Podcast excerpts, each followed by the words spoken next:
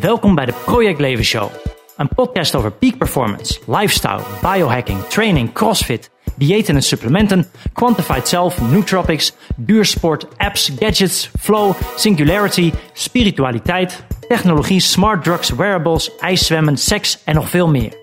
Hier is je host, biohacker en menselijk proefkonijn. Bekend van onder meer BNN-VARA, RTL 5, BNR Nieuwsradio, Mens Health, Trouw, Volkskrant, Tegenlicht, Nieuw Business Radio, De Correspondent en Runners World. Peter Joosten. Deze podcastaflevering gaat over CrossFit. Deel 1 is een interview met Charlotte Maris. Zij is CrossFit-atlete en coach. En deel 2 is met Tadeusz Knops. Hij is ook CrossFit coach en fysiotherapeut. De show notes kun je vinden op www.projectleven.nl slash crossfit-podcast. En ook als je niks hebt met CrossFit, dan is het nog steeds leuk om naar te luisteren. Omdat zowel Charlotte en Thaddeus een heleboel andere interessante dingen delen over hun leven, training, voeding en allerlei andere zaken. Heb je juist wel iets met CrossFit en vond je dit een leuke aflevering? Dan raad ik je aan om ook nog naar een aantal eerdere afleveringen van de Project Leven Show te luisteren. Bijvoorbeeld aflevering 2 met Leroy Naarden, aflevering 4 met Nolan Mooney, aflevering 13 met Noël Brandt of aflevering 23 met Karen Tofmarjan. Voordat we starten nog een paar huishoudelijke mededelingen. Ga naar projectleven.nl slash podcast voor een overzicht van alle podcastinterviews. Luister je deze aflevering in je favoriete podcast-app, vergeet je dan niet te abonneren op de Project Show. Als je niks wil missen van de Project Show, ga dan naar www.projectleven.nl. Daar kan je ook inschrijven voor mijn nieuwsbrief en als je dat doet, dan krijg je een gratis cheat sheet met 9 tips voor meer energie en meer focus. Op projectleven.nl vind je ook de links naar mijn social media kanalen, zoals Facebook en Instagram.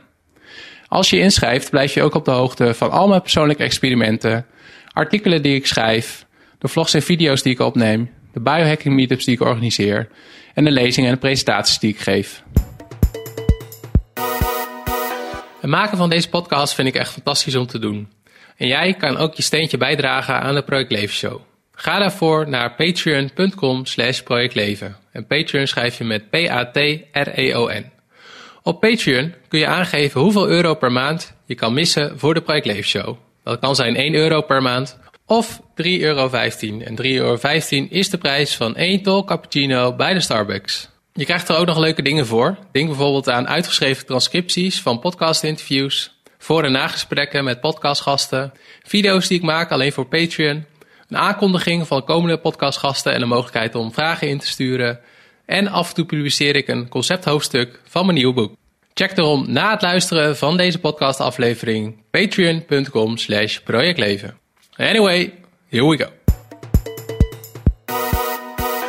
Welkom bij de Project Leven Show. Vandaag de gast eh, Charlotte Maris. En we nemen het op in CrossFit AKA. Dus voor de mensen die luisteren, als je af en toe een halter hoort vallen, dat komt omdat er nu iemand een open gym doet. Dat klopt hè? Ja, dat klopt helemaal. Ja. En, uh, en voor wie ben jij, Charlotte? Ik ben dus uh, Charlotte Maris. Ik ben uh, 25 jaar, woon hier in Amsterdam. En ik ben CrossFit coach en ook eigenlijk atleet voor CrossFit AKA. En heb jij iets met de term peak performance? De term peak performance, dat uh, um, ja, zegt voor mij eigenlijk uh, uh, dat je presteert naar je maximale kunnen. Um, en daarbij hoort natuurlijk niet alleen maar het fysieke aspect, maar ook ja, mentaal, emotioneel. Dus peak performance kan in sport zijn, maar ja, ook gewoon een hele goede lescoach eigenlijk. Ja. Ja, daar ben ik zo wel benieuwd naar, want ik ga straks ook de bot bij jou volgen. Ja. En wat moesten we weer doen over het uh, squat? Ja, we hebben een hele leuke combi, een klassieke 2159 met uh, overhead squats en ring push-ups. Ja, voor de mensen, want ik, er zijn ook luisteraars die, van mij die, uh, want ik heb natuurlijk al een aantal CrossFit afleveringen gehad, maar die geen idee hebben wat een overhead squat of een ring push-up is. Kun je dat uitleggen? Ja, ja, bij een overhead squat dan hou je eigenlijk een attribuut, een, een barbel in dit geval, boven je hoofd. En dan, uh, dan maak je een kniebuiging mee. Nou, dat lijkt, dat lijkt heel makkelijk, maar dat vergt best wel wat stabiliteit van je core onder andere. Um, mobiliteit moet je daarvoor hebben. En, en die ring push-ups, dat is een, een klassieke push-up, maar dan in de ringen. En die maken dat wat instabieler. Dus het is eigenlijk ietsjes moeilijker dan een gewone push-up, omdat het instabiel is en de range of motion ietsjes groter is. Ja, Ik zag laatst trouwens, uh, moet ik nu aan denken, die uh, documentaire op Netflix. Ja. Earth. Ja. Oh, en dan doen ze een ring push-up, maar dan in de handstand. In de... Ja, ring handstand push-ups. Ja, gek, gekker, gekst heb je natuurlijk. Dit, uh, die, die Netflix documentaire, daar krijg ik zoveel vragen van vrienden over. Maar dat is iets voor, uh, voor CrossFit topatleten. En niet voor gewone mensen die bij ons trainen. Dus... Uh, En hoe uh, heb jij je ontwikkeld tot waar je nu bent? Um, ik denk dat ik me ontwikkeld heb tot waar ik nu ben door ja, alles wat ik, wat ik in mijn leven tot nu toe heb gedaan. En dat is al heel jong met sport begonnen. Uh, mijn, ouders, uh, mijn ouders zijn allebei grote sportliefhebbers. En ik ben ook al van jongs af aan meerdere sporten gaan doen. En altijd door mijn ouders aangemoedigd en gestimuleerd om dat te doen. En zo ben ik uiteindelijk in het, uh, in het zwemmen gerold, wedstrijdzwemmen. Ja, en daar ben ik vanaf dat ik ja, piepjong ben tot aan mijn pak een beet 16e, 17e iedere dag mee bezig geweest. En wat voor um, afstand en wat voor techniek deed je? Um, ik was, uh, ik, denk, ik denk dat ik, dat ik in niets echt heel slecht was. En misschien ook wel in niets extreem goed. Uh, hoewel ik me aan het einde van mijn zwemcarrière toch wat meer heb gericht op de vlinderslag. Een uh, best wel wat complexere techniek ten opzichte van het crawlen, wat je misschien kent, of de schoolslag. Ja. Uh, het is wat zwaarder, vinden mensen vaak.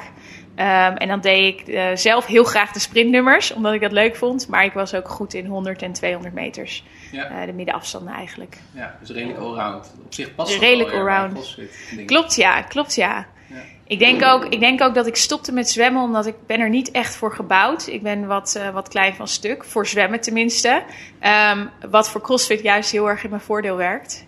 En, uh, en daardoor, uh, ja, kijk, als je, als je zwemmen op het allerhoogste niveau wil doen, dan, dan heb je alles moet meezitten, om het zo maar te zeggen. Je moet niet alleen maar heel veel talent hebben. Je moet er ook goed voor gebouwd zijn. Je moet er de uren in steken. Je moet er.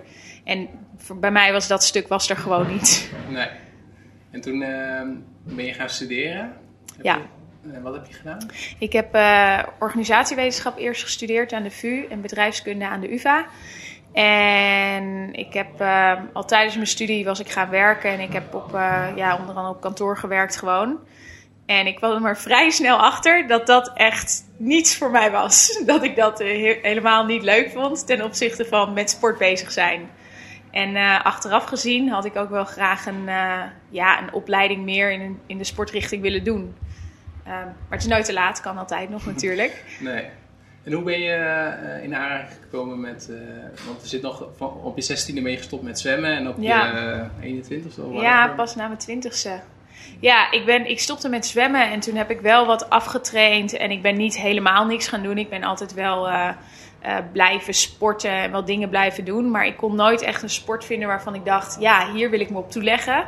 Want teamsporten had ik niet echt meegekregen toen ik jong was. En om nou opnieuw op je 18e, 19e te gaan starten met atletiek. Terwijl je super competitief bent en eigenlijk ook best wel fit. Dat, vond ik gewoon moeilijk. En toen, uh, tijdens dat ik nog zwom, stuurde een, uh, een vriend van mij. Die ook, die ook CrossFit zelf uh, een, uh, een filmpje van een, uh, een commercial van Adidas met Chris Spieler.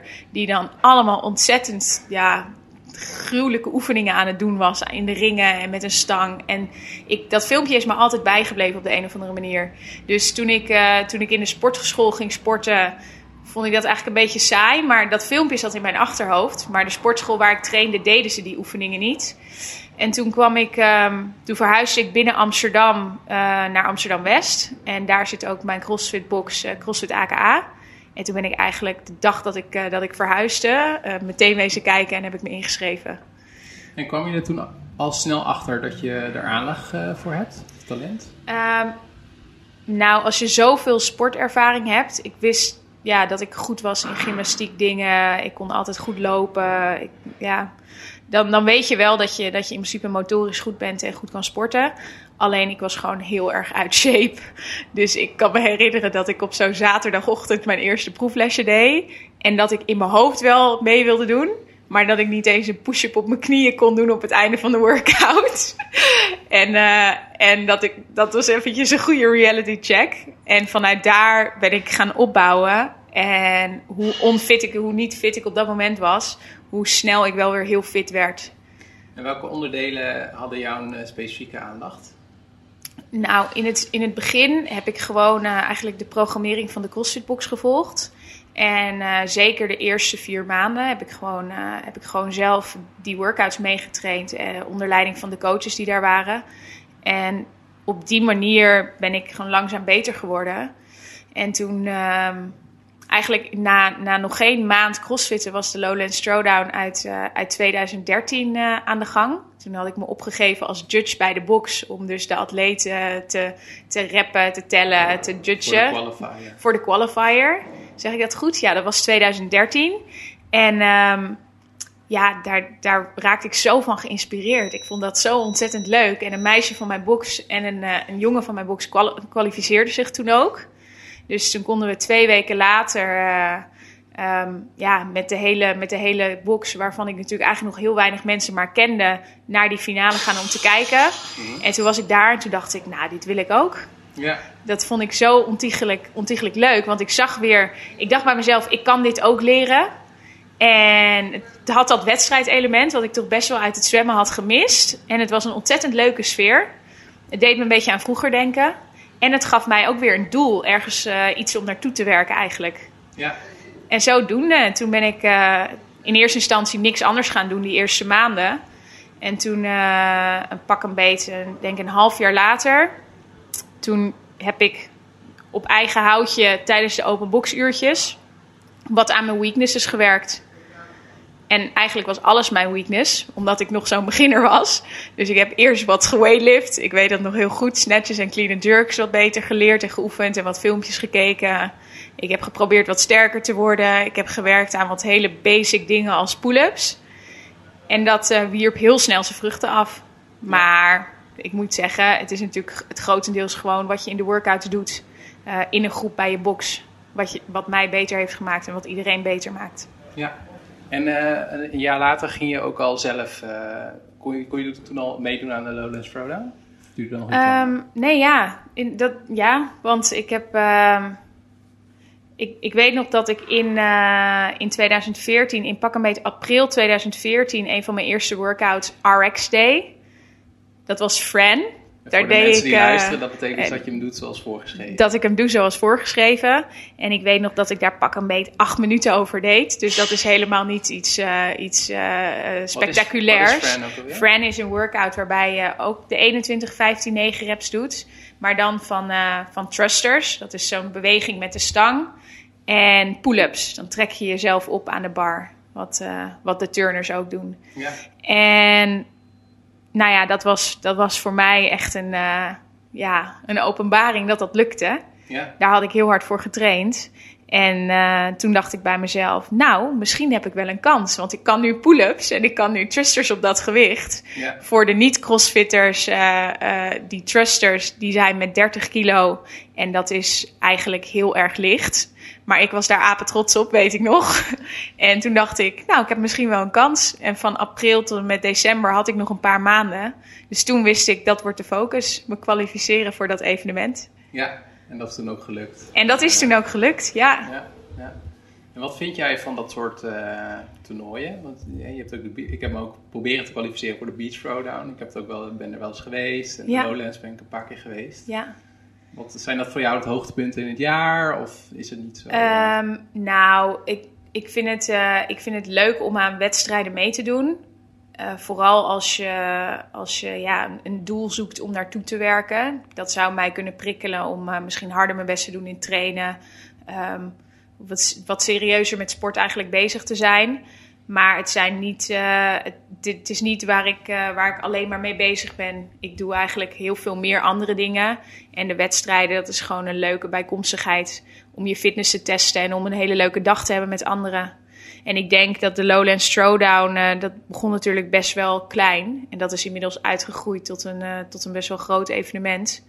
Um, maar, maar omdat dat zo'n groot evenement is, is het voor gewoon een normale lid, normaal lid van mijn box bijvoorbeeld niet realistisch dat ze zich daarvoor gaan plaatsen. Omdat er echt uh, best wel serieuze atleten aan meedoen. En ja. op het moment dat ik me kwalificeerde, was het niveau nog iets lager, denk ik. Ehm, en daardoor had ik de kans om daar zo in te stromen. Ja, ja. En dat heeft mij natuurlijk beter gemaakt. Ehm, En hoe ziet, eh, ik ben wel echt van de, ik vind het leuk om dingen echt specifiek te weten. Hoe ziet jouw trainingsweek er nu uit? Ehm, op dit moment, ik heb eigenlijk een schouderblessure. Ja, Ik heb, daar, ik heb daar een tijdje al last van en ik had twee evenementen, de Tiglon, eh, drie eigenlijk. De Tiglon, de French Throwdown en de Beach Throwdown, waar ik aan mee had gedaan en daar had ik me voor gekwalificeerd allemaal. Die heb ik eigenlijk allemaal meegedaan zonder daar heel veel voor te trainen wat betreft mijn schouders. En dat doet natuurlijk het herstel eh, niet echt eh, ten goede als je aan een wedstrijd deelneemt. En toen daarna heb ik daar dus een goede break van genomen. En sindsdien heb ik al niks meer met mijn bovenlichaam gedaan. Maar mijn trainingsweek eh, bestaat daarom wel uit een hele hoop trainen. Maar bijna alles met mijn onderlichaam en mijn core. Dus ik, ik hardloop veel. Ik doe conditiewerk met roeien, skiën, fietsen, dat soort dingen. Ehm, ik squat, ik deadlift. Dus ik doe niet helemaal niks. Helaas zit over het gewichtheffen er even niet in. En alle, alle gymnastics dingen eigenlijk ook niet. Ehm, maar goed, ik, ik verwacht niet dat. ehm, ik, ik verwacht niet problemen met als die schouder weer goed is, dat ik dat ineens niet meer kan of zo. Nee. Maar waar baseer je je huidige programmering op dan? Ja, die verzin, die verzin ik zelf. Ja, ik heb eigenlijk niet echt een coach. Ik heb altijd hier bij CrossFit AKA de programmering meege- meegedaan. Ja. Ehm, en dat vind ik nog steeds het allerleukste. Het leukste vind ik gewoon om in een groepje mensen lekker die wot te, aan te vallen. Mhm. Ehm, maar ik heb, ik heb zelf in eerste instantie, toen ik nog niet zoveel ervan af wist, eh, gewoon heel voorzichtig wat, weakness, eh, wat weaknesses proberen om te turnen into strengths eigenlijk. En in de loop der tijd, met dat ik een CrossFit coach werd en dat ik er ook veel meer over ging lezen, ging ik langzaam een beetje zelf programmeren. En ik zou op zich wel een coach willen of zo, maar op de een of andere manier eh, doe ik het gewoon altijd zelf. En het, en het werkt prima. En het ja, maar ik zeg ja, het werkt ook, ja. Ja, Ja. En, ehm, want je bent ook, eh, je geeft ook training hier bij AKA. Ja. En ook af en toe bij Unskert in, eh, in Utrecht. ja. Ehm, wat, wat vind je zo leuk aan, eh, aan het training geven? Ehm, ik vind het het leukste aan training geven dat je mensen eigenlijk helpt om het, het beste uit zichzelf te halen. Ze komen, ik bedoel, we zitten hier in Amsterdam midden in het centrum en mensen zijn druk en gehaast en die werken veel en die komen hier om niet alleen maar fitter te worden, maar ook een leuk uur te beleven en iets nieuws te leren en het ja, gezellig ook te hebben, denk ik. En het is een combinatie van al die dingen bij elkaar, weet je wel. Je, je, je, je vangt de mensen op. Je legt uit wat, wat ze gaan doen in een training. En je gaat door technieken heen. Je werkt aan hun skills. Eh, ze worden sterker. Ehm, en, eh, en daarnaast worden ze natuurlijk ook fitter. Fysiek. Maar misschien ook wel mentaal. Eh, doordat ze blijken meer te kunnen dan ze zelf dachten, bijvoorbeeld. En, eh, en dat vind ik gewoon ontzettend leuk. En ehm, ik weet nog wel, toen ik op kantoor werkte, dat ik wel eens echt eh, met tegenzin na een halve dag werken nog verder ging. Omdat je veel achter de computer zat. En nu als coach ben ik eigenlijk altijd aan het bewegen. En ik ben altijd met andere mensen bezig. En dat vind ik gewoon ontzettend leuk. Ja, want een dag voor jou ziet er in grote lijnen zo uit dat je een training geeft en dan zelf traint en dan nog een training geeft. Ja. Zo een beetje zien. Ja, ik, ehm, ik eh, ben echt een ochtendmens, dus ik ga daar altijd vroeg uit. En dan geef ik eh, bijvoorbeeld van pak een meet 7 tot 9 training. En dan daarna ga ik zelf trainen.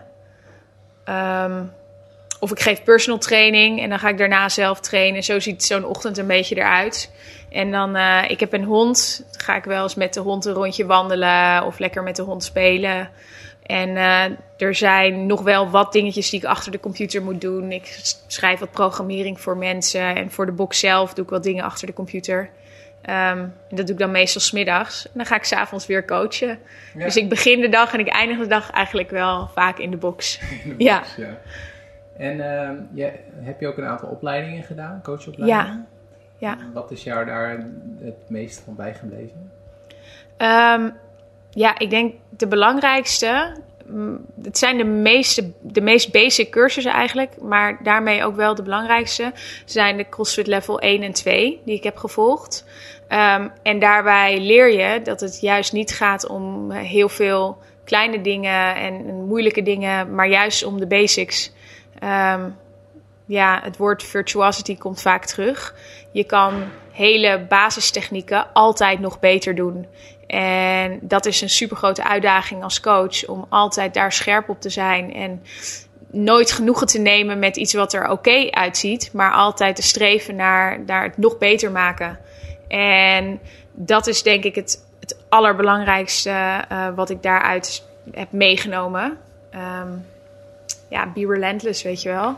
En dan natuurlijk heb ik heel veel verder nog cursussen gedaan. Van, uh, van gymnastics cursussen van Eleiko met Björk Odensdotter. Tot, uh, tot uh, ja, wat niet. Powerlifting cursus met Boris Scheiko. tot, tot van het weekend nog een Alex Vieira seminar. Dat is de man die The Hybrid Athlete, een boek heeft geschreven. En heel veel weet over over programmeringen. Hij is zelf een, uh, een powerlifter die ultramarathons heeft gerend. En, ja, uh, en dat is natuurlijk de twee uitersten ongeveer. Dus ja, ik heb ontzettend veel extra cursussen en zo gedaan. Maar uiteindelijk voor, voor gewoon training geven, een normaal lesuur aan de mensen die lid zijn van de boxen waar ik, uh, waar ik les geef, dat zijn gewoon de CrossFit level 1 en 2. Ja. Ja. ja. Nee, wat, wat jij zegt over mensen die komen trainen. Ik noem mezelf ja, recreatieve atleet. Maar is, ik vind het heel fijn om na een dag werken of een dag achter de computer. Om dan gewoon naar de box te gaan en gewoon te kijken wat er wat is. En dan gewoon te doen. Ja. Dan ben ik gewoon even uit mijn hoofd. En, uh, ja. En ik, wat jij ook zegt, uh, het tweede wat je zei, herken ik ook wel. Dat ik, want jij zegt van het is voor mij een uitdaging als coach. Maar ik als atleet vind het ook leuk om bijvoorbeeld te trainen voor de muscle up. Terwijl ik waarschijnlijk veel beter gewoon mijn pull-up beter kan maken. Ja. Of een push-up ja, Ik, ik, ik hoor dat heel vaak. En ik denk dat. Het, het is, ik, ik snap het zelf. Want natuurlijk, je ziet een, uh, ik zou bijna willen zeggen, een circus truc. En dan denk je bij jezelf: wow, dat ziet er cool uit. Dat wil ik ook kunnen. Alleen, ik, ik vraag me dan mezelf altijd af. En dat, dat is ook hoe ik voor mezelf heel vaak uh, programmeer en hoe ik zelf train eigenlijk. Uh, maar ook hoe dat voor andere mensen in mijn ogen moet, zijn, moet zijn. Wat is de basis? En pas als die basis goed is, dan moet je naar dat soort gekke circus gaan kijken. Dus, dus iemand die, die niet normale, die technisch nog niet een, een goede squat beheerst, die heeft in mijn ogen nog niks in de ringen te zoeken. Omdat ik die squat belangrijker vind. Um, daarmee wil ik niet zeggen dat, dat iemand dat niet zou moeten doen. Ik bedoel, zeker als je een tijdje in een box traint en je kan goed meedraaien met de WOTS, dan denk ik dat het heel goed is als je jezelf een doel stelt. En, uh, en daar misschien, uh, misschien zelfs wat extra aan werkt. Ik bedoel, uh, goal setting is natuurlijk is in mijn ogen een heel goed ding. Ja, ja precies. Ja. En ehm, welke vraag krijg je het meeste over CrossFit? Um, nou, met name over die Netflix-documentaire die jij net noemde. Daar krijg ik heel veel vragen over. Vooral ook van vrienden. En, uh, en, en die, zeggen, die denken echt, en dat is natuurlijk een hele grote misvatting. Die denken dat een sportschool, een crossfitbox, dat het er zo aan toe gaat. Maar dat is het totaal het tegenovergestelde is waar. Want wij hebben hier gewoon, ja, jongens van, uh, van 15 met de buurtoma van 70, met de beste atleet van de box, uh, met, uh, met iemand met overgewicht, allemaal in één uur trainen. Die allemaal dezelfde workout doen. Niet met 140 kilo boven hun hoofd, maar gewoon met een halterstang op hun rug. En en dat is, dat is voor mij CrossFit. Niet, niet de CrossFit Games, maar de lessen die wij hier doen. En de gewone mensen, noem ik het maar even, die hier komen drie keer per week om een uur lang aan hun fitness te werken. Ja. Um, en ja, mijn vrienden die allemaal die documentaire hebben gezien en die niet crossfitten, die durven niet eens meer mee naar de sportschool. Omdat ze denken dat we alleen maar dat aan het doen zijn. Ja. ja. Dus uh, en het is natuurlijk het is lastig, want ja, ik, dus een vraag die ik vaak krijg is van... Uh, als ik ga crossfitten, krijg ik dan ook die spierballen die jij hebt? Ik, met name vrouwen die vinden dat uh, volgens mij best wel eng. En ik, ik moet daar altijd om lachen, want dan denk ik bij mezelf... Ja, jij hebt al bijna twintig jaar lang iedere dag getraind. Je eet, je eet precies zoals je moet eten eh, om, om zo fit mogelijk te worden. Je slaapt veel, je leeft ervoor. Je bent er eigenlijk dag en nacht mee bezig.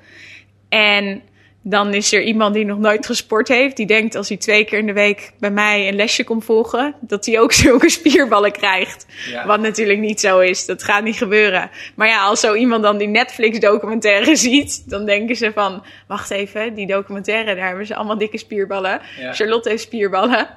Ik, eh, ik weet het nog zo net nog niet. ja. Ja. Ja. Maar ben je niet bang voor dat het eh, te veel een hype wordt?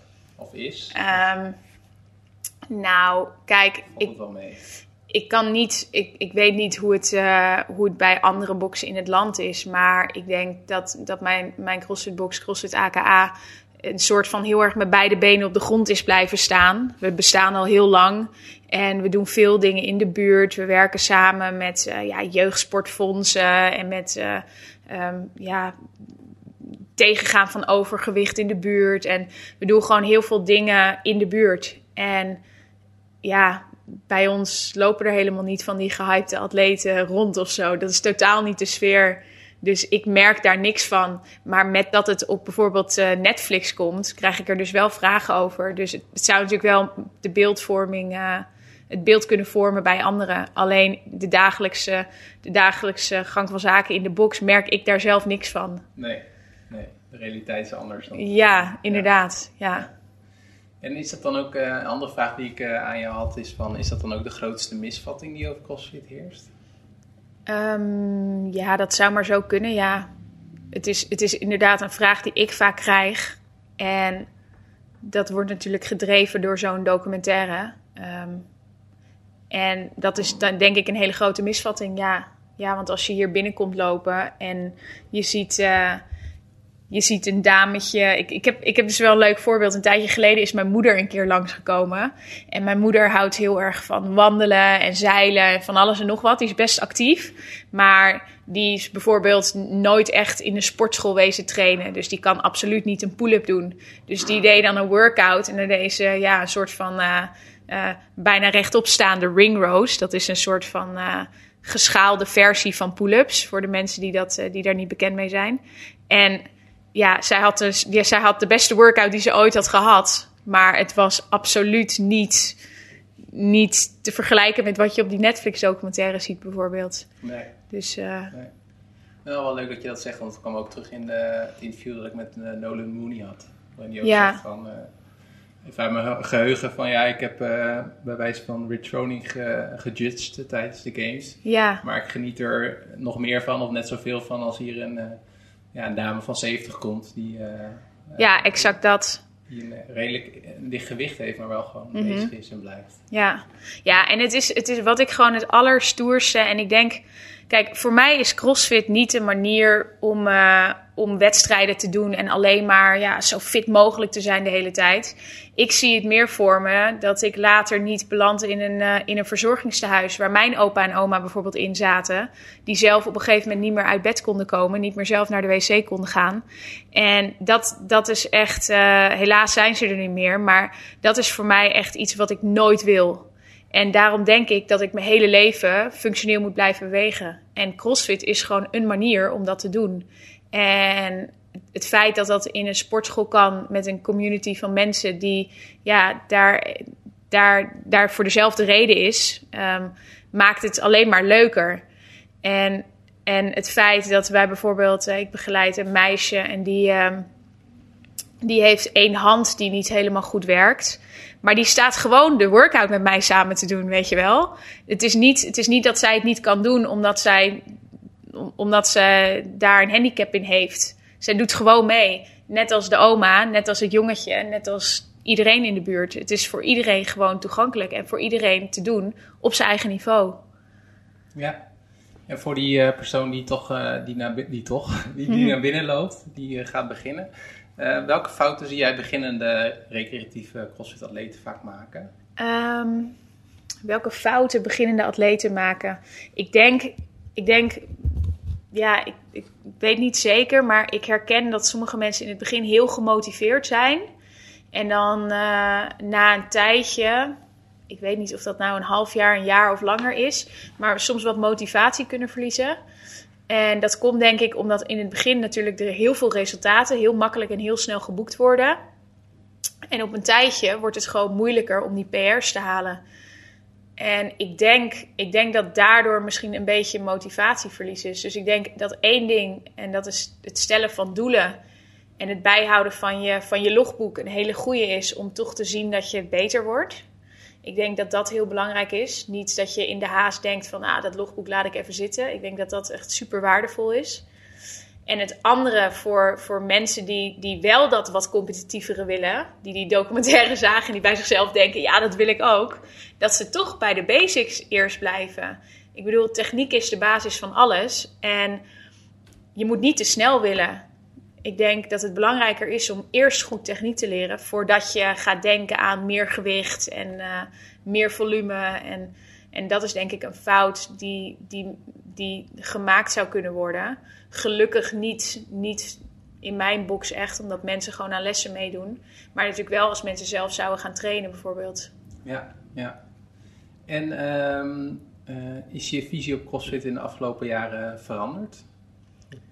Nou, ik, voor, mij, voor mij toen ik ermee begon, ik, ik wist niet echt waar ik aan begon. En ik, ik kende CrossFit ook niet, uh, niet heel goed. En ik ben op vrij, vrij kort nadat ik, uh, dat ik lid ben geworden van de, van de box, ben ik mijn level 1 gaan doen. En bij mijn level 1, daar heb ik eigenlijk mijn visie op CrossFit ontwikkeld. En die visie is voor mij uh, niet heel erg anders geworden in de loop der tijd. Ik zie het nog steeds voor mij als een manier om ja, aan, mijn, aan mijn fitness te werken. Op een hele leuke manier. Aan mijn functional fitness te werken. En dat, dat is nog steeds zo. Ja. Daar is eigenlijk niet veel aan veranderd. Het punt is niet veranderd. Nee. nee. zie, je nog wel, wat, zie je nog wel ontwikkelingen als atleet of coach uh, nationaal en internationaal? Um, een van de ontwikkelingen die ik zeker zie is dat het natuurlijk groter wordt. Um, het, is, het is door al die aandacht steeds populairder aan het worden. En ik weet nog wel vroeger, toen ik dus de sportschool binnenliep, maar ook, ook met, mij, met mij andere mensen, zo, zo vijf jaar geleden. Dat waren mensen die allemaal al iets van CrossFit wisten, als in ze hadden een filmpje gezien. En ze wisten echt dat dat wat, wat voor ze was. En ze, ze wisten waar ze voor kwamen. Terwijl tegenwoordig hebben we continu mensen binnenlopen die dan ergens uh, ervan gehoord hebben. En die dan horen dat je er, dat je er uh, heel ripped van wordt of zo. en die dat dan ook willen. En daarom gaan ze crossfit. Ik denk dat dat iets is wat heel erg veranderd is in de loop der tijd. Het is wat meer mainstream geworden. Um, en, en ja, met dat het populairder is geworden, zijn er natuurlijk veel meer crossfit sportscholen gekomen. Dus dat is anders. Dus misschien daarom toegankelijker. Omdat ja, er meer zijn, ik weet het niet. Um, en ook als je kijkt naar dan weer die wedstrijden, die zijn allemaal steeds professioneler aan het worden.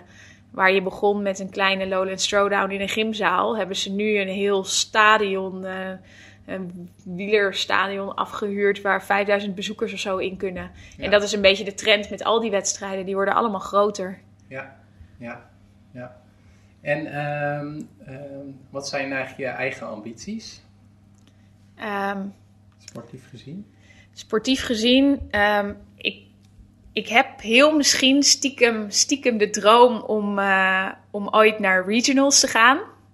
Uh, sommige mensen dromen misschien van de games, maar dat is totaal niet een ambitie voor mij. Ik weet dat ik dat nooit zal doen, omdat ik veel te veel andere dingen na sporten ook leuk vind. Want regionals, dat is een voorstapje tot aan... Uh, ja, wereld, in, ieder jaar in CrossFit heb je de CrossFit Open. Dat is een soort van het open wereldkampioenschap. Waar iedereen ter wereld die CrossFit aan mee kan doen. En de beste zoveel mensen uit een regio. Die plaatsen zich dan voor een soort van het regionale kampioenschap. Waar al die atleten dan bij elkaar komen. Waar dan weer daarvan een handjevol mensen zich kwalificeert voor de CrossFit Games. Ja. En als je het hebt over de regio, dan bedoel je niet de regio Amsterdam, toch? Nee, met de regio bedoel ik de regio heel Europa. En uh, in ons geval dan ook nog, uh, ik meen Afrika, de Middle East, die zit daar ook nog bij. Dus dan hebben we het over een hele gigantisch grote regio. Um, en, en daar komen dan de beste, ik meen 40 atleten van uh, bij elkaar. En daarvan plaatsen zich dan weer de vijf beste atleten. Ja. Dus, maar dat kwalificeren voor regionals, als ik heel eerlijk ben, het is iets wat in mijn achterhoofd zit, maar het is zeker niet iets waar ik nu iedere dag mee bezig ben en waar de focus ligt. Um, en ik denk ook gewoon bij mezelf, als ik steeds beter kan worden in de loop der tijd, dan ben ik daar misschien ooit goed genoeg voor en misschien ook niet. Ik heb. Um, en en ik, kom er, ik kom er ook steeds meer achter dat ik bijvoorbeeld buitensporten heel erg leuk vind. Na de French Throwdown, dat is een aantal weken geleden, dat is een groot kampioenschap in Frankrijk, um, ben, ik, uh, ben ik naar de Mont Blanc geweest, naderhand. En daar heb ik een berg beklommen. En ik denk dat dat de aller, allergrootste uitdaging was die ik uh, ongeveer sportief gezien, maar misschien ook wel uh, um, mentaal gezien ooit heb gehad. En zoiets zou ik heel graag weer willen doen. Um, al dan niet iets beter voorbereid daarop. Ja, was het, want dat is wel grappig dat je het zegt. Want uh, ik, zeker in het begin dat ik CrossFit deed, dacht ik van het is gewoon een, uh, een super programmering. En als je dat doet, dan kan je ook in één keer heel hard rennen en fietsen ja. en weet ik veel wat. Maar jij zegt dus, ondanks dat je uber fit bent, had je toch nog wel nou, een challenge? Of? Um, de, de, de jongen die, uh, die me mee had genomen, die heeft uh, een paar maandjes in, de, in mijn, crossfit, in mijn CrossFit box meegesport. Daar, die heb ik gecrossfit coached. En hij dacht bij zichzelf, zij is zo ontzettend fit, ik neem haar gewoon mee naar een ontiegelijk zware, ultra gevorderde klimroute waar je een volledige dag van ochtends tot avonds tegen een berg geplakt zit. Terwijl ik eigenlijk zo goed als nog nooit in mijn leven had geklommen. En dat bleek achteraf gezien misschien wel iets te extreem te zijn. En ik heb het gehaald. Ik bedoel, ik denk als ik niet, niet zo fit was als dat ik ben, dat het uh, totaal onmogelijk was geweest. Um, want het was echt loodzwaar, maar het was ook waanzinnig mooi. En met beter voorbereiden, ik zou wel ietsjes meer vooraf willen klimmen. Uh, wat beter willen weten welke knopen ik moet gebruiken en zo. Uh, ja, voor, voordat ik weer zo'n uh, zo'n avontuur aanga. Ja, ja, want het was echt klimmen, klimmen. Niet in de zin van. Uh, nee, op nee, nee, nee. Ik, ik zou je zeggen, we, we hadden een hike van. Uh, we hadden een hike naar de voet van de berg toe voordat het klimmen begon. En dat klimmen was gewoon stijl omhoog. Um, en die hike, dat was. Ik, ik, dacht dat dat de klim was, want dat was al zo ja. ontiegelijk zwaar. Met vallende stenen en kiezels en heel stijl omhoog. Het was eigenlijk gewoon een soort bearwalk, een berg op. En toen bleek dat dat alleen maar de warming-up was eigenlijk. En toen dacht ik al wel bij mezelf, oeps, uh, dit gaat iets zwaarder worden dan dat ik dacht. En uh, dat bleek ook zo te zijn. Maar het was waanzinnig mooi. En, um, maar dat is ook het leuke, denk ik, aan het CrossFit voor mij. Is dat het mij in staat stelt om gewoon alles te doen wat er in me opkomt. Ik hou van kanoën, ik hou van surfen, ik hou van wakeboarden. En ja, dat kan ik allemaal doen omdat ik goed getraind ben. Ja, ja het lijkt me wat jij zegt ook wel ontzettend gaaf. Want ik, ik ben zelf ook wel fan van die films en documentaires dan over de Everest en de K2. Precies, en, ja. Uh, lijkt me wel echt waanzinnig gaaf als je daar uh, als je ja. dat nog hebt gehaald, zeg maar. Ja, ja ik, dacht, ik dacht echt op de helft, ik, ik kan het niet meer. Er zijn, er zijn, je hebt hele mooie momenten emotioneel gezien, en, maar ook wel ja, een soort van dieptepunten. En er was een moment, mijn schoentjes waren wat te klein. Ik had heel veel pijn in mijn voeten. En er was gewoon een moment dat ik dacht, ik kan dit echt niet meer. Maar ja, we, uh, en met name ook uh, de gids, die was zo vastberaden om naar de piek te gaan, dat we naar de summit te gaan, dat we eigenlijk wel, wel moesten bijna of zo. En uh, als je het dan haalt, dan is het natuurlijk een enorme ja, ontlading, echt een prestatie. Eigenlijk ook een soort peak performance. Ja, een peak, ja, pun intended zeg maar. Ja. En um, als jij mensen nog iets kan meegeven als we straks klaar zijn met het uh, luisteren van dit deel van de podcast, wat zouden ze dan volgens jou uh, direct uh, moeten gaan doen? Nou, natuurlijk crossfit trainen. Nee, ik, ik denk, kijk, voor de crossfitters die luisteren, uh, blijf gewoon lekker doen wat je doet, weet je wel. Drie keer per week een workout meedoen, dat is supergoed voor je. En voor de mensen die misschien nog niet hebben durven crossfitten, die nog niet die stap hebben durven zetten, loop gewoon eens een box in en doe eens een wot mee. En, uh, en dan kom je er vanzelf achter, hopelijk, hoe leuk je het vindt, hoe leuk het is. Of in ieder geval dat het echt niet zo extreem is als dat het soms uh, doet voorkomen. Ja, nee, dat kan ik ook beamen trouwens. Ja. en uh, Charlotte, is er nog iets uh, wat je nog wel graag gezegd wil hebben, maar wat we nog niet hebben besproken in dit gesprek? Ehm, nou, ik kan wel uren doorkletsen, maar nee, niet, niet zo gauw, eh, zo 1, 2, 3 iets wat er, wat er in me opkomt eigenlijk. Nee. Nou, van tevoren vertelde je dat je eigenlijk niet zoveel naar podcast uh, luistert, maar ik ben wel benieuwd nu je zelf bent geïnterviewd. Wat vond je van het uh, gesprek? Ja, ik vond het heel erg leuk eigenlijk. Ja. Ik, uh, ja, het gebeurt niet elke dag dat er iemand uh, helemaal naar Amsterdam afgereisd komt om mij te interviewen. ik voel het een beetje speciaal, maar ik, uh, ik hoop dat mensen, er, dat mensen het leuk vinden om er naar te luisteren. Ja, ja nee, dat, dat denk ik ook. En als mensen meer over jou willen weten, of hier een keer willen trainen, of jou als personal trainer willen, of whatever, waar ben ja. jij te vinden op internet en social media? Uh, je kan mij gewoon vinden op Facebook uh, uh, via Charlotte Maris, mijn naam. Op Instagram sta ik beter bekend als Char Lifts a Lot. Char Lifts a Lot. Omdat ik natuurlijk zo ontiegelijk veel lift.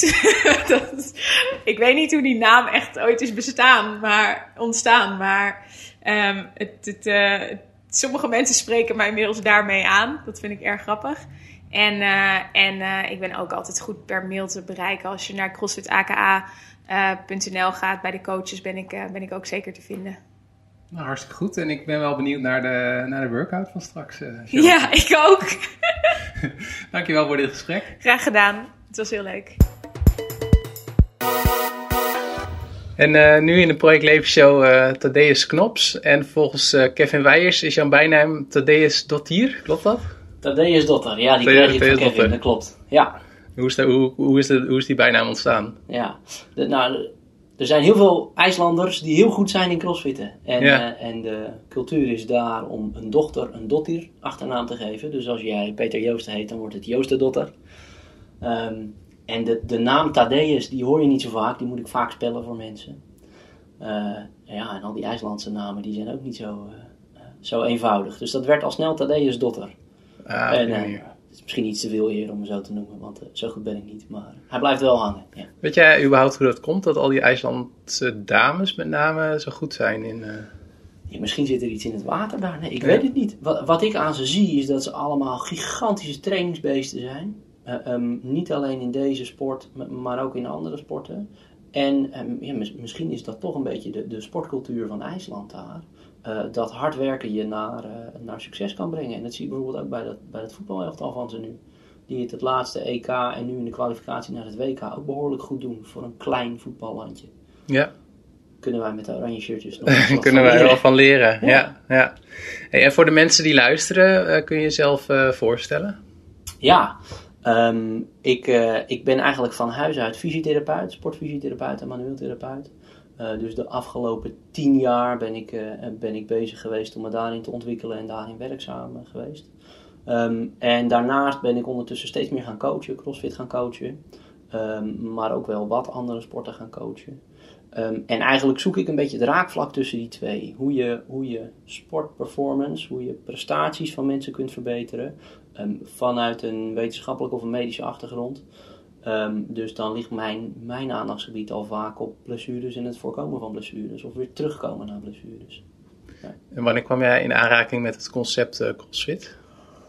Oh, dat is een tijd terug. Um, een van de eerste CrossFit-boxen van Nederland was, uh, was CrossFit Amsterdam. En die zaten eerst in Nieuw-Vennep, hoe gek het ook klinkt.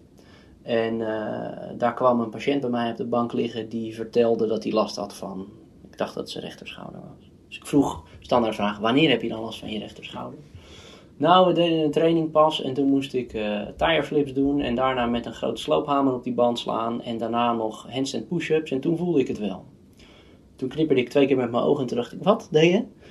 En uh, nou, we raakten daar wat verder over de, uh, aan de praat. En die beste man zei, nou, tegen tijd dat ik weer fit ben, neem ik je wel een keertje mee. En vandaar is het balletje gaan rollen. Ja, ja, en toen heb je ook nog verschillende, want je bent opgeleid ook als uh, level 1 instructeur, klopt dat? Ja, dat klopt.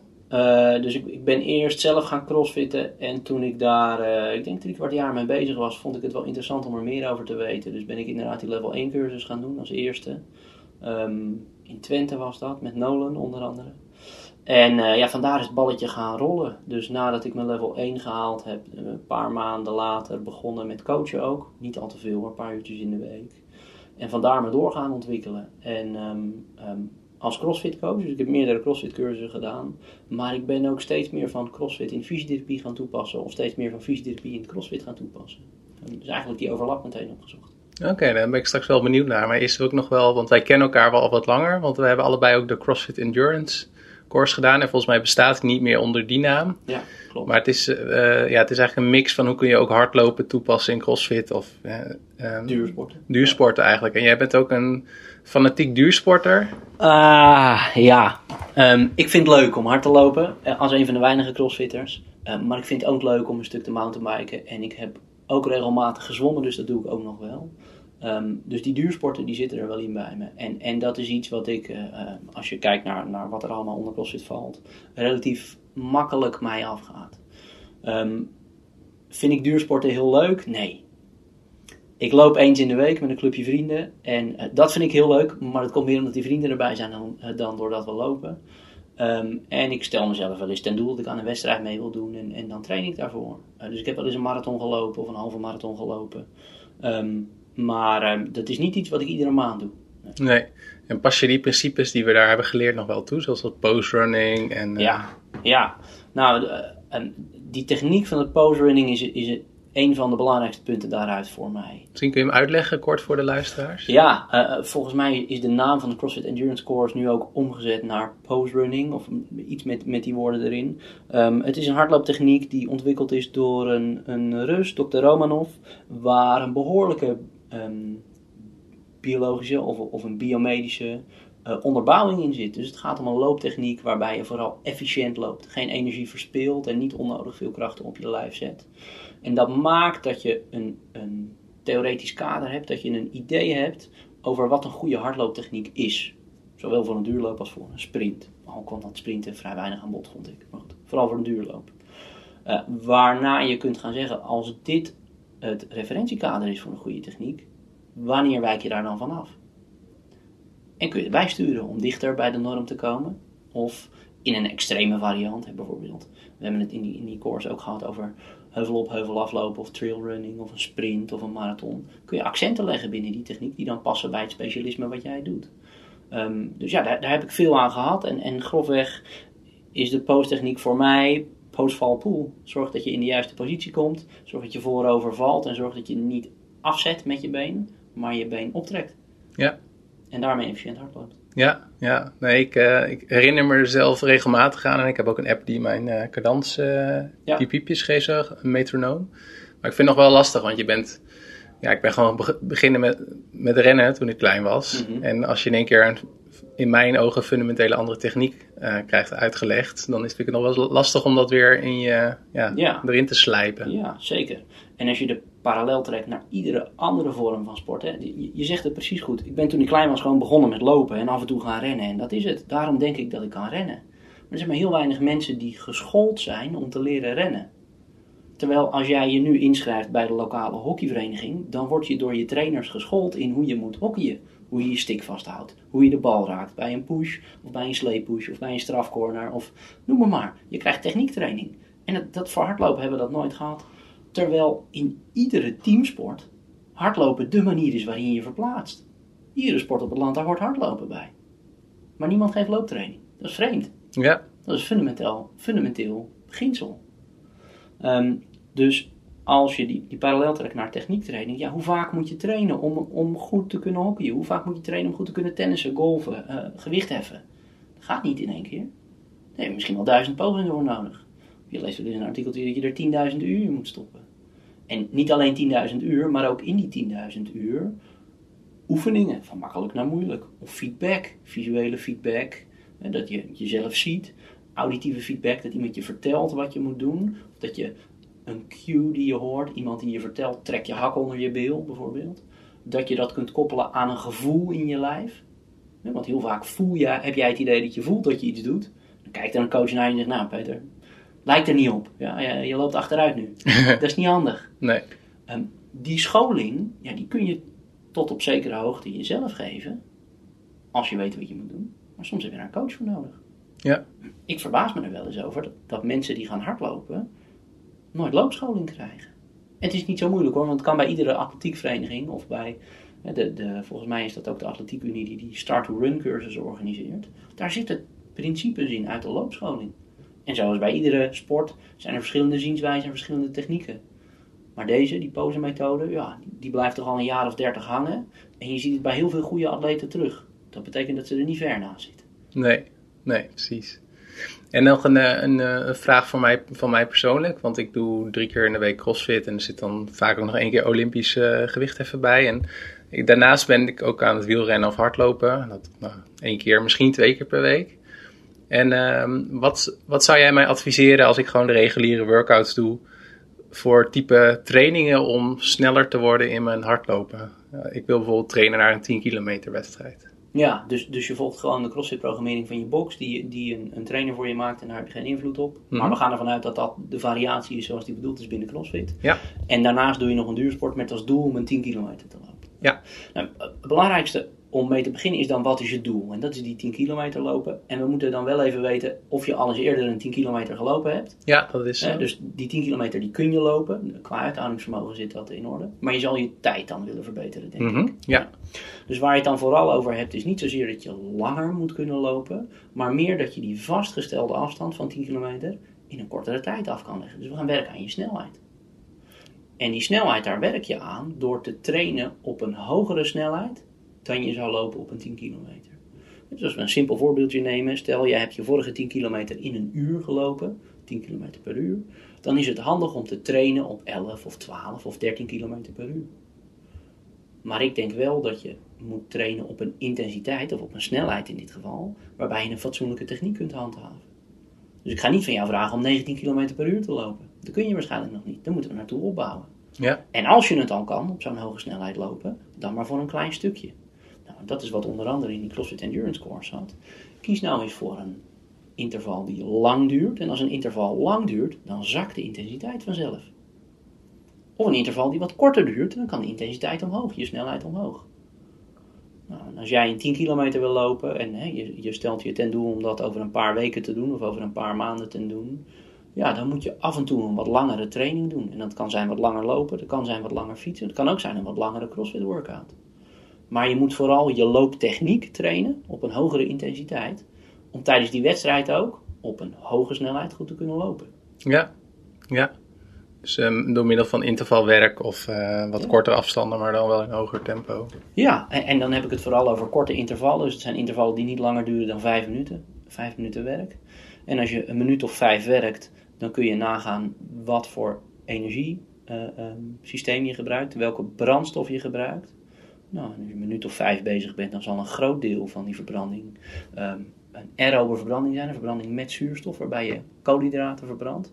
Dan heb je even wat rusttijd nodig om die energievoorraad weer aan te vullen.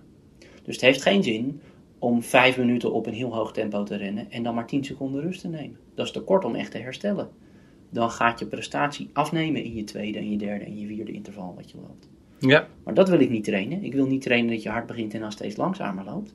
Ik wil trainen dat je hard begint en die snelheid vol kan houden.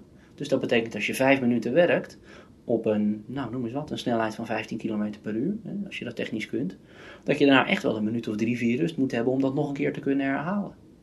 ja, En Ja. als je dat niet meer volhoudt, als je de snelheid niet meer volhoudt, of je looptechniek zakt in elkaar, je gaat lopen stampen, of je, je trekt die voet niet meer naar je toe, of je valt niet meer voorover, nou, dan stop je ermee. Dan is het effect van je training weg. ja. Dus jij zegt ook op tijd stoppen in plaats van in je hoofd hebben van ik moet en zal eh, vijf keer die vijf minuten doen. En, eh, Ja, kijk, als, ja. Jij, als jij vijf keer vijf loopt, maar je loopt jezelf helemaal, helemaal het, het schuim voor je ogen, dan blijf je de volgende ochtend in je bed liggen. Ik heb liever dat je dan twee keer vijf loopt en denkt, nou, dit ging goed en nu stop ik. En dat je de volgende ochtend een lange crossfit workout doet. Heb je meer aan, word je fitter van. Ja, ja. Wel even een stapje terug naar wat je in het begin zei. Van ik pas nu CrossFit principes toe in de fysiotherapie en andersom. Ja. Zo heb ik het vertaald. Kun je daar een voorbeeld van geven? Ja, ehm, wat ik, eh, hoe ik fysiotherapie toepas in CrossFit is, ik geef altijd de fundamentals bij ons in de box, bij Mainport CrossFit. Dat zijn fundamentals voor de mensen die CrossFit niet kennen. Juist. Ja, de fundamentals zijn de beginnerslessen. Eh, dus als een nieuw lid zich aanmeldt, mag hij altijd meedoen in een, eh, in, als een proefles bij ons. Maar daarna ben je verplicht om, om een maand lang fundamental lessen te, te volgen, een beginnersklasje, waarin we de negen fundamentele bewegingen van CrossFit met je doornemen en oefenen. En daarin is veel tijd en aandacht voor het individu. Um, en, en we proberen je een basis mee te geven waar je verder op kunt bouwen. Dus je hoeft echt niet na die maand perfect te kunnen squatten of perfect te kunnen pressen, maar je moet in ieder geval begrijpen wat er van je verwacht wordt. Um, in die fundamentals, daar laat ik natuurlijk altijd mensen squatten, pressen, liften. De, de drie bewegingen waar we het, uh, of drie groepen waar we het altijd over hebben. Um, maar ik neem ook altijd de tijd om mensen nieuwsgierig te maken naar hoe het nou kan dat iets nog niet goed gaat. En ieder mens heeft de neiging om als het niet goed gaat, dat de reden daarvoor buiten zichzelf te zoeken. Um, wat misschien wel legitiem is in sommige gevallen, maar het beperkt je ook altijd in, in wat je eraan gaat doen. Dus ik probeer mensen in te laten zien wat er niet goed gaat. Of dat nou een beperking is in de flexibiliteit. Veel mensen denken dat, hè, dat ze niet lenig genoeg zijn om onder parallel te squatten. Of om die, om die bar in een frontrek positie op je schouders te houden. Um, terwijl het helemaal niks met lenigheid te maken heeft vaak. Vaak heeft het te maken met controle over je lijf.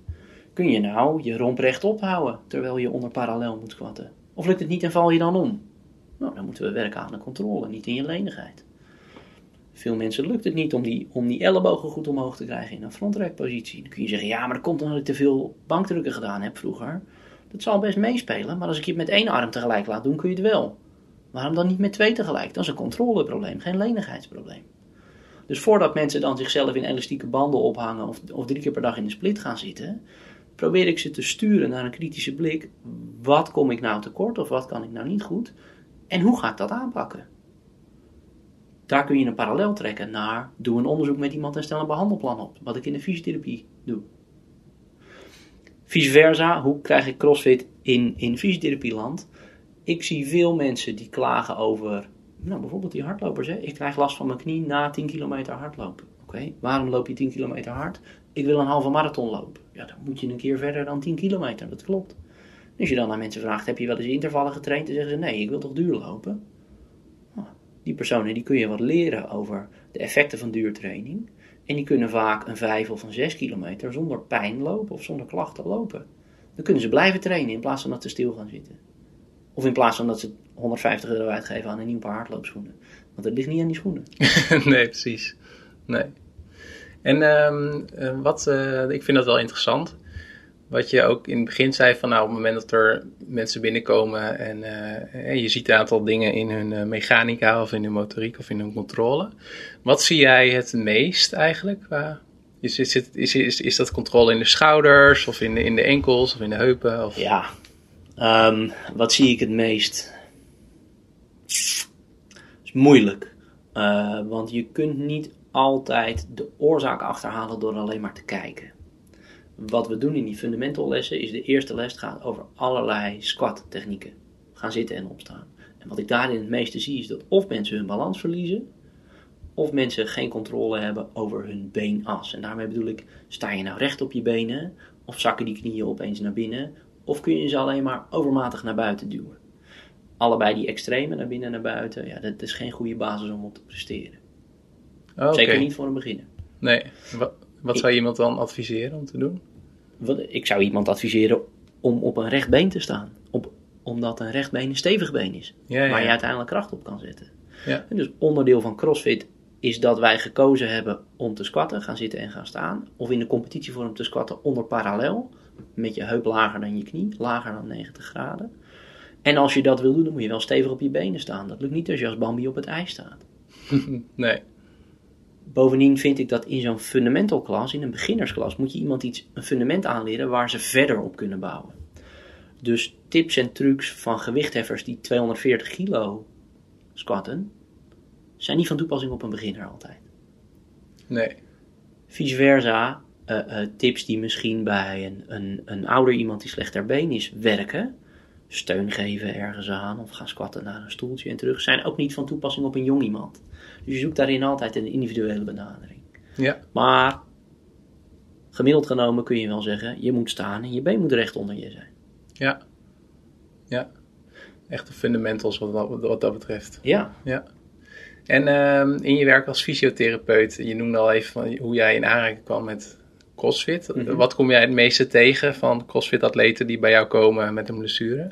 Ja, eh, ik zie veel CrossFit-atleten met schouderproblemen. Pijn bovenop of aan de voorkant van hun schouder. Ehm, maar dat komt ook een beetje omdat ik me in die richting gespecialiseerd heb. Dus dat is, dat is een soort bias van mijn behandelkamer. Als ik bij ons in de hele praktijk kijk, wat, wat mijn collega's eh, ook binnenzien, dan denk ik dat die schouderproblemen wel, eh, wel één staan. En mensen die klagen over pijn aan hun knie op, op de tweede plek. Oké, en hoe, hoe komt dat?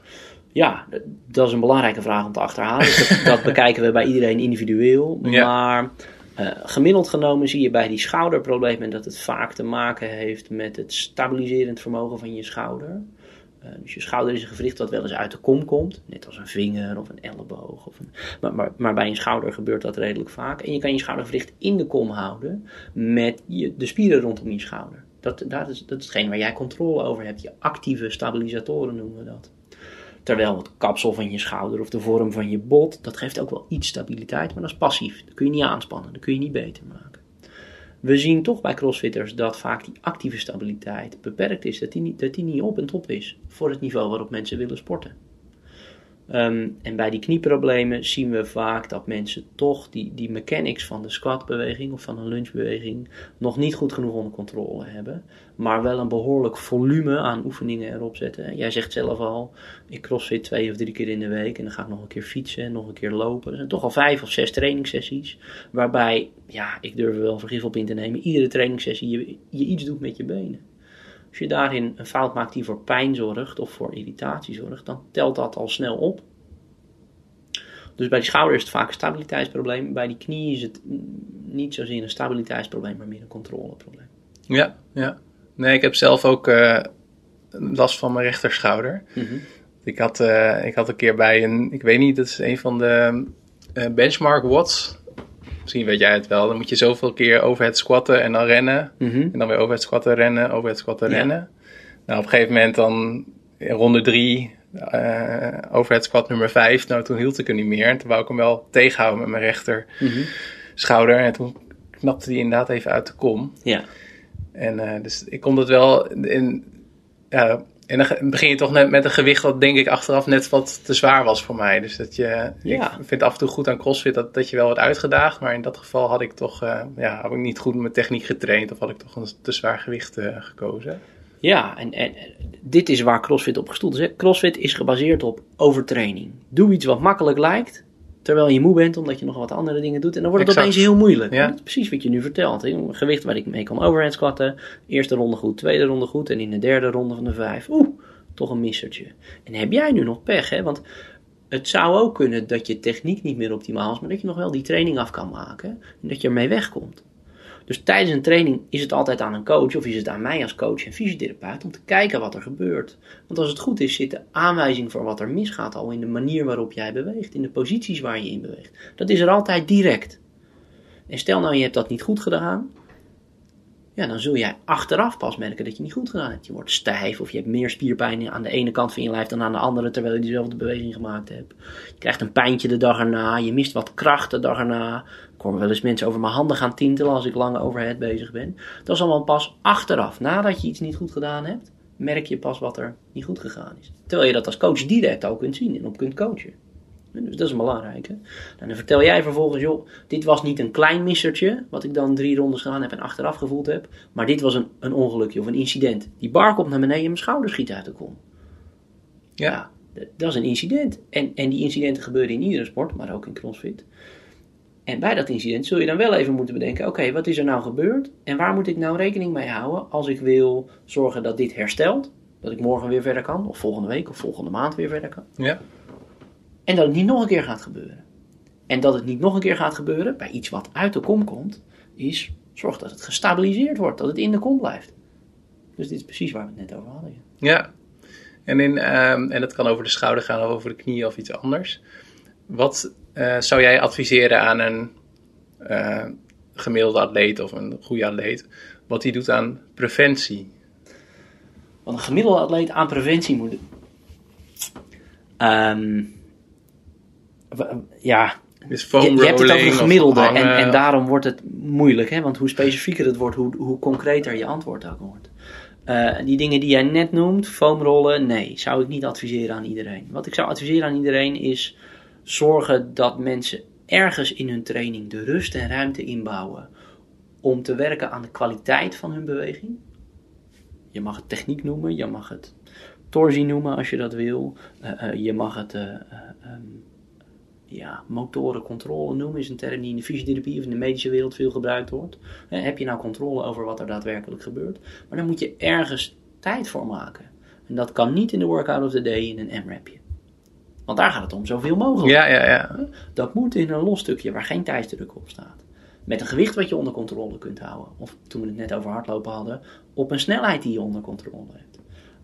Dat is het eerste advies voor mensen. En het tweede advies is dat mensen krachttraining. Sterker worden.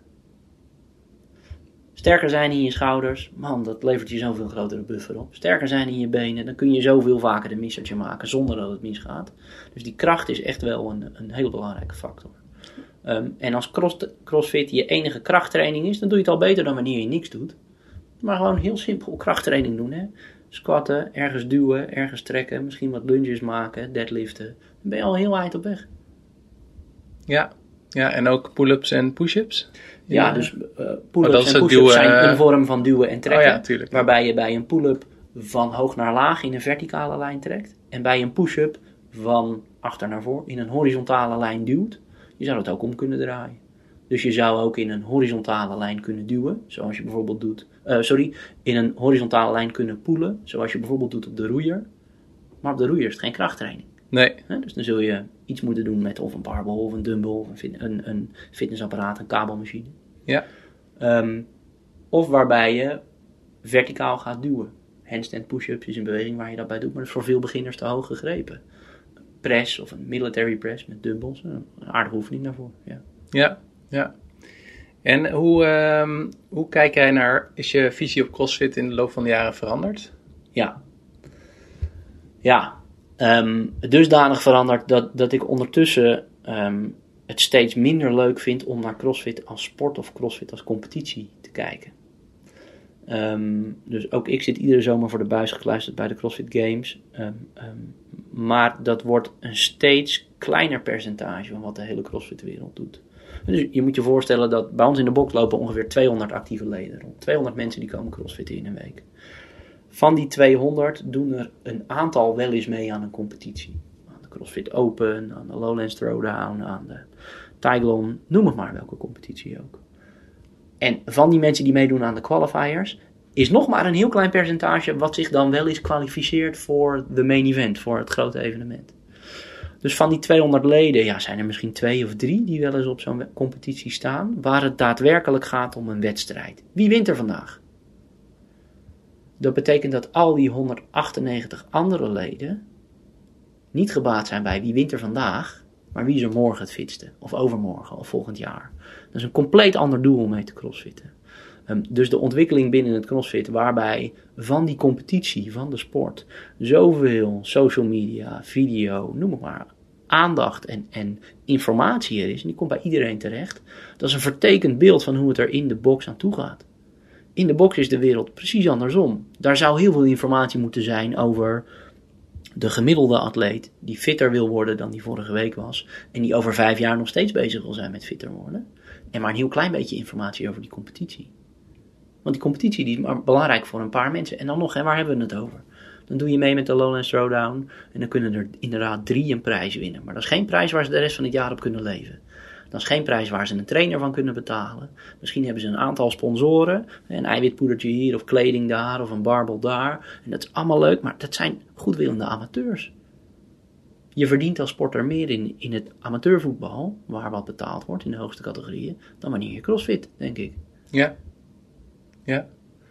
En, uh, uh, en hoe, hoe richten jullie die, uh, hoe verdelen jullie die aandacht binnen, binnen de box waar jij coacht? Ja, bij, bij Mainport CrossFit is er wel ruimte om qualifiers te doen. Dus als er leden zijn die mee willen doen met bijvoorbeeld de qualifier voor de Beach Throwdown is pas geweest, dan wordt er een dagdeel of een dag gereserveerd waar dat ook kan. En dan wordt er binnen de community gezorgd dat de deelnemers die dat willen doen er zijn, dat de scoreformulieren er zijn, dat er mensen zijn om te jureren. Um, en dan wordt dat gefaciliteerd, dan is het mogelijk. En daar doen inderdaad ook wel eens mensen mee die, waarvan wij op voorhand weten dat ze zich nooit gaan kwalificeren voor de wedstrijd. En die doen mee omdat ze dat competitie-element leuk vinden. Dat is goed, er is helemaal niks mis mee, tenzij je dat wekelijks gaat doen. Ja. Zo'n competitiedag, dat is iets waarbij het gaat om hoe hoog ligt mijn prestatie op dit moment. En bij een competitie is het niet per se de bedoeling dat je het heel erg naar je zin hebt, dat je heel veel plezier hebt. Of dat je alleen maar dingen doet die goed voor je zijn, waar je fitter van wordt. Bij zo'n competitie gaat het alleen maar om winnen. En ik vind het ook leuk om te winnen, maar eens in de zoveel tijd. Ik heb voor mezelf besloten, ik doe jaarlijks mee aan de Open, ik doe jaarlijks mee aan de qualifier voor de Lowlands Throwdown. That's it. Twee momenten in het jaar dat ik competitie doe. Ja. En de rest van het jaar ben ik bezig om fitter te worden. Beter Ja. dan ik was. ja nee, Gezondheid op één. Ik heb eh, dit jaar voor het eerst aan de qualifier meegedaan, aan de Beach Throwdown. Ja, We hebben het niet gehaald, maar ik vond het wel heel leuk om het een keer mee te maken. Ja. Hoe zo, zo'n qualifier gaat. eh. ja. dat je ook drie workouts op één dag moet doen. eh, Ja. Met een buddy. Ja, dus drie workouts op een dag is al veel volume. En ik kan Ja. me niet voorstellen dat je de volgende ochtend heel soepel je bed uit kan. nee, al, al, was, eh, dat, nee, dat was in, al had ik het erger verwacht, maar het ging... eh, ja, ja, misschien we nog harder, had ik nog harder mijn best moeten doen. altijd, altijd. Nee, maar als je dat nou dagelijks zou doen, hè, Ja. als jij, er zit ook een psychologisch trucje achter. Als jij jezelf pusht met drie workouts op een dag, zeker ten opzichte van de community om je heen of je buddy waar je mee samenwerkt, hè, die, wil- die wil je toch niet teleurstellen. En je komt de volgende ochtend zo stijf als een hark je bed uit met in het gunstigste geval alleen maar spierpijn. Dus niks mis met een beetje spierpijn, maar dag in dag uit gaat dat je ergens tegenstaan. Je kan mij niet vertellen dat het een houdbare gewoonte is om dagelijks zo diep te gaan dat je de volgende ochtend met moeite je bed uitkomt. Ergens gaat dat zich een keer opbouwen en denk je, nou, vandaag niet. Vandaag Ja. blijf ik in bed liggen. Of ga ik niet mezelf zo, zo gigantisch ehm, om zeep helpen. En als je CrossFit niet als sport, maar als trainingsmethodologie goed doet, dan zit die variatie er ook in. Dan zal je een keer een lange workout doen. Of dan zal je een keer een heavy day hebben waar je flink spierpijn van krijgt. En waar je flink van moet herstellen. Maar er zitten ook genoeg workouts bij die je doet. Waarbij je zweet. Waarbij je misschien wel over de grond ligt te rollen achteraf omdat je zo moe bent. Maar dat je ochtends gewoon je bed uitloopt en denkt, nou, was lekker, doen we nog een keer. Dat is een positieve psychologische associatie. En die moet je veel vaker hebben als het gaat om gezondheid. Dan wanneer je alleen maar competities doet en je de, negatieve associatie hebt van pijn of afzien. Ja, ik vind het wel een interessant punt wat je maakt. En hij, hij verbindt nu ook met de eerdere opmerking die je maakte over social media. Want ik volg ook al die eh, atleten, het super tof. Maar ik doe me ook denken aan, eh, aan die Netflix documentaire over Rich Froning. Ik weet niet of je die ook Mhm. hebt gezien. Natuurlijk. En misschien was, het, misschien was het ook wel gewoon voor die documentaire. Maar op een gegeven moment deed die, ging hij een dag eh, trainingen doen. Nou, volgens mij deed hij vijf keer eh, een of ander waanzinnige workout op één dag of zo. Ik denk van ja, dan wordt ook wel de. en het is heel cool hoor. Ik heb er al. Ik vond het best wel een leuke documentaire. Maar dan word je wel, krijg je wel een soort van. Een mentaal plaatje van hoe het dan zou moeten of zo. Ja, nou, we, hadden het net over de parallel tussen wat een, een amateurvoetballer in de hoogste regionen verdient of wat een crossfitter kan verdienen met lokale throwdowns, met lokale competities. Die amateurvoetballer, die traint vaak al drie of vier avonden in de week. En die heeft al een verzorger bij zich. En die doet dan nog wel een baantje ernaast misschien, maar die heeft in ieder geval een middagje vrij om uit te rusten. Die gaan met een bus naar uitwedstrijden toe. Die wordt al op redelijk wat vlakken gepamperd of gecompenseerd voor de arbeid die die moet leveren. Als jij, zoals je nu zegt, vijf workouts op een dag doet, ja, waar, waar ga je de tijd vandaan halen om te werken of om, om een onderdeel te zijn van je gezin? Dat is al moeilijk. Plus als je vijf workouts doet, en ik vind het al heel knap als je dat kan, hoe ga je herstellen van die vijf workouts? Dat gaat niet zomaar met een glaasje water en, en acht uur slaap. Daar moet je iets meer voor doen, denk ik. Ja, Dus mensen zijn trainbaar, gigantisch trainbaar, soms veel beter trainbaar dan ze zelf denken. Maar je moet ook herstellen van training niet onderschatten. Want je wordt pas sterker als je hersteld bent van je training en niet als je alleen maar traint. Ehm, en, en dat is wel wat je, waar de schoen vaak gaat wringen. De neiging is om onder invloed van, van die competitors, van, van die competitieve crossfitters, meer en meer en meer en meer en meer te gaan doen. Maar wat je moet doen is beter, beter, beter en beter. Je moet beter worden. En soms zul jij baat hebben bij meer koolhydraten eten. Ondanks dat je wel eens het advies krijgt om minder te eten. Soms zul je baat hebben bij een foamroller, maar heel vaak ook niet. Soms zul je baat hebben bij een goede herstelsessie met wat elastieke banden en, en een, eh, alleen maar bodyweight oefeningen. Maar soms ook niet, soms word je daar niet fitter van. De kunst is om te bekijken wat jij op welk moment nodig hebt en dat toe te passen. En heb je daarvoor altijd wel een coach nodig? Of zeg je van, je zou ook dat, die level of awareness gewoon zelf kunnen hebben door te weten wat op dat moment goed voor jou is? Nee, daar heb je altijd een coach voor nodig. Ja. Zij het alleen maar omdat degene die jij het makkelijkst voor de gek kan houden jezelf bent. dat is ook een hele bekende uitspraak van Richard Feynman, toch? Ik weet niet of je die kent. Een uh, beroemde natuurkundige die zei zoiets van... Uh, nou, ik ben even de quote kwijt, maar die sloeg daarop, ja. Ja, zeker.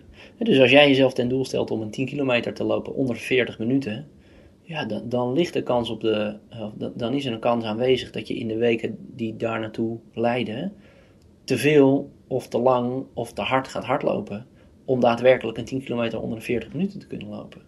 Terwijl een coach, als die het beste voor heeft met je, gehoord heeft wat je doel is en bepaalt wat jij nodig hebt om daar te komen.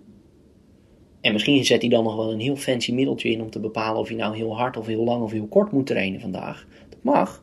Maar alleen al om het feit dat jij iets wil, ga je af en toe de plank misslaan. En heb je een coach nodig om je bij te sturen. Ja, ja. En wat vind je van, uh, dat is een vraag die nu bij me opkomt, uh, want die heb ik wel eens gehoord, de kritiek die er op CrossFit is, met name over de, uh, aanzien van de kipping pull-ups. Ja. ben je het daarmee eens? Nou, ik denk dat je een beetje context moet creëren voor die discussie. dus dan is de eerste vraag, wat is de kritiek waar je op doet? Nou, dat, dat, dat mensen die voor het eerste keer CrossFit gaan doen, wel een soort worden verleid eigenlijk tussen aanhalingstekens met de gedachte van, nou, als je crossfit gaat doen, dan word je heel snel heel sterk, omdat je dan ook ineens pull-ups kan. Ja. Terwijl mensen dan kipping pull-ups gaan doen, dus dat je een beetje een swing hebt en dat je dan eigenlijk ook gebruik maakt van het uh, elastisch vermogen in mijn schouder. En misschien zeg ik nu wel iets raars hoor, voor een tegen een fysiotherapeut. Ik begrijp wat je zegt, ja. En, en dat je daarmee eigenlijk, uh, ja, dat het veel blessuregevoeliger is. Ja, dus de, wat de essentie is van, van dat verhaal wat je nu vertelt, is dat als je de intensiteit opschroeft, als je meer pull-ups in een korte tijd wil maken, uh, ja, dan vergt dat een, een andere techniek dan wanneer je pull-ups doet om alleen maar trekkracht te trainen. Wat, de, wat de bodybuilders doen of wat mensen die kracht belangrijk vinden. Um, bij ons zijn zitten pull-ups in de fundamental en leren we mensen altijd aan om een strikt pull-up te doen eerst of een aantal strict pull-ups doen eerst, voordat ze ook maar gaan denken aan kipping pull-ups.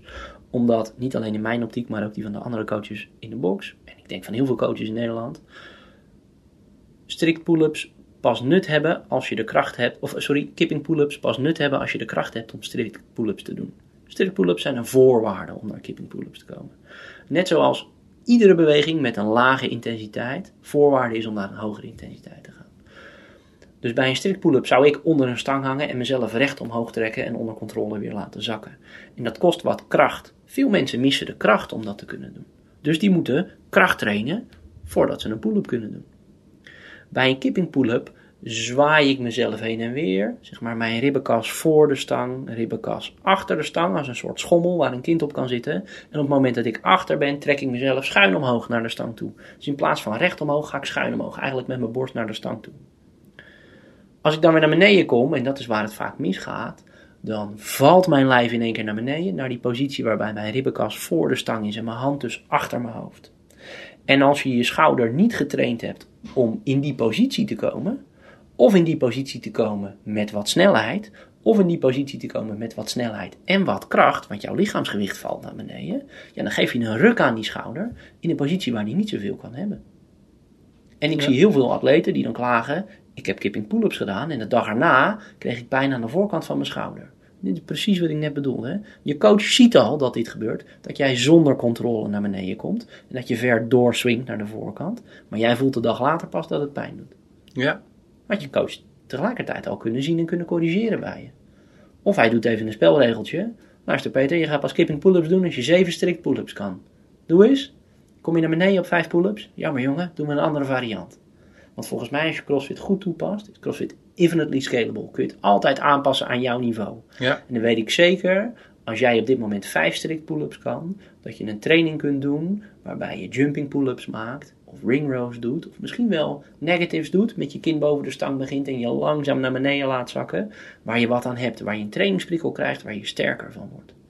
Want die trainingsprikkel helpt je morgen en volgende week en volgende maand. Terwijl die 10 kipping pull-ups misschien wel sneller zijn voor de competitie Maar het is geen competitie voor jou. Jij moet niet winnen van de mensen om je heen. Je moet fitter worden. En pas als je fitter bent kun je een keer mee gaan doen aan een competitie. Ja. Dus daarin zit eigenlijk kritiek op een kipping pull-up. Ja, de kipping pull-up is, dus, is een snellere manier om veel pull-ups te doen dan een strict pull-up. En een butterfly pull-up is een nog snellere manier. Maar je moet hem doen als je die intensiteit van de beweging aan kunt. En als je pijn hebt na die beweging, kun je het nog niet aan, moet je het nog niet doen. Nee, precies. Maar het is al heel vaak, en bij ons, eh, bij CrossFit Amersfoort staat ook eh, van re- ik weet niet eens of het universele CrossFit regels zijn, maar in ieder geval de regel 1, leave your ego at the door. Want soms Ja. wil je inderdaad wel, eh, ja, kipping pull-ups doen, omdat je dan gewoon veel kan en eh, snel kan, et cetera. Ja, ja, volgens mij zijn het onofficiële, eh, maar wel universele regels. Eh, maar leave your ego at the door is exact hetzelfde als waar we het net over hebben met dat voorbeeld van hardlopen. Als jij besluit dat je een 10 kilometer onder 40 minuten wil lopen, maar je kan het nog helemaal niet, ja, dan loop je jezelf de vernieling in. Of dan is de kans groot dat je jezelf de vernieling inloopt. De Ja. kans is ook groot dat je het wel probeert, maar niet haalt. Leave your ego at the door. Heb, zorg voor een coach die je daarop bijstuurt. Dat is Ja. het werk van een coach volgens mij, onder andere. Ja. Wat is je favoriete beweging? Mijn favoriete beweging. Ah, dat hebben ze me een keer eerder gevraagd. Toen zei ik rope climbs. Oké. En eh, ja, dat komt eigenlijk omdat, eh, in mijn geval, ik deed dat als klein jongetje met apenkooien wel eens. Hè. Klein jongetje was sporten altijd leuk en apenkooien was ongeveer het summum van wat leuk was. Dus als je dan eh 25 bent en er zegt nog een keer iemand tegen je, klim eens het touw in, dan ja, vind ik dat leuk. ja. ja. Ja, nee, dat is ook wel een associatie die ik veel met CrossFit heb. Dat wel zo'n beetje op Apple lijkt. Ja. Alle hangen en slingeren en dingen. Ja. En de minst leuke? Oeh, de minst leuke beweging. Bankdrukken. En eh, het is niet de schuld van de bankdrukken. Ik ben er gewoon hartstikke slecht in. Oh ja.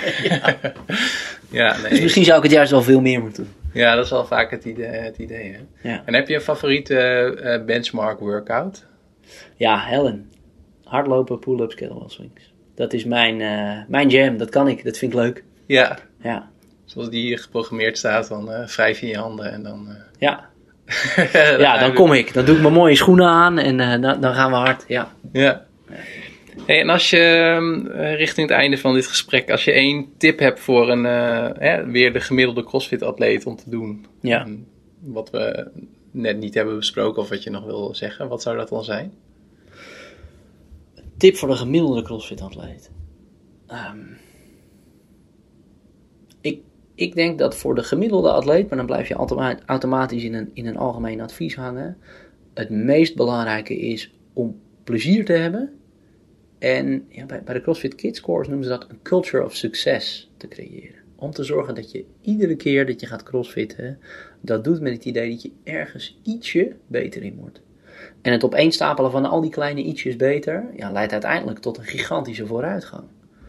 Maar dan moet je je niet laten blinderen door een competitie of wat er gebeurt. Dus Ja. het belangrijkste advies voor de gemiddelde atleet, have fun, create a culture of success. En dat geldt ook voor eh, iemand die nu nog luistert, die niks met CrossFit heeft, maar wel eh, hard loopt. Of, Ja, zeker. Ja.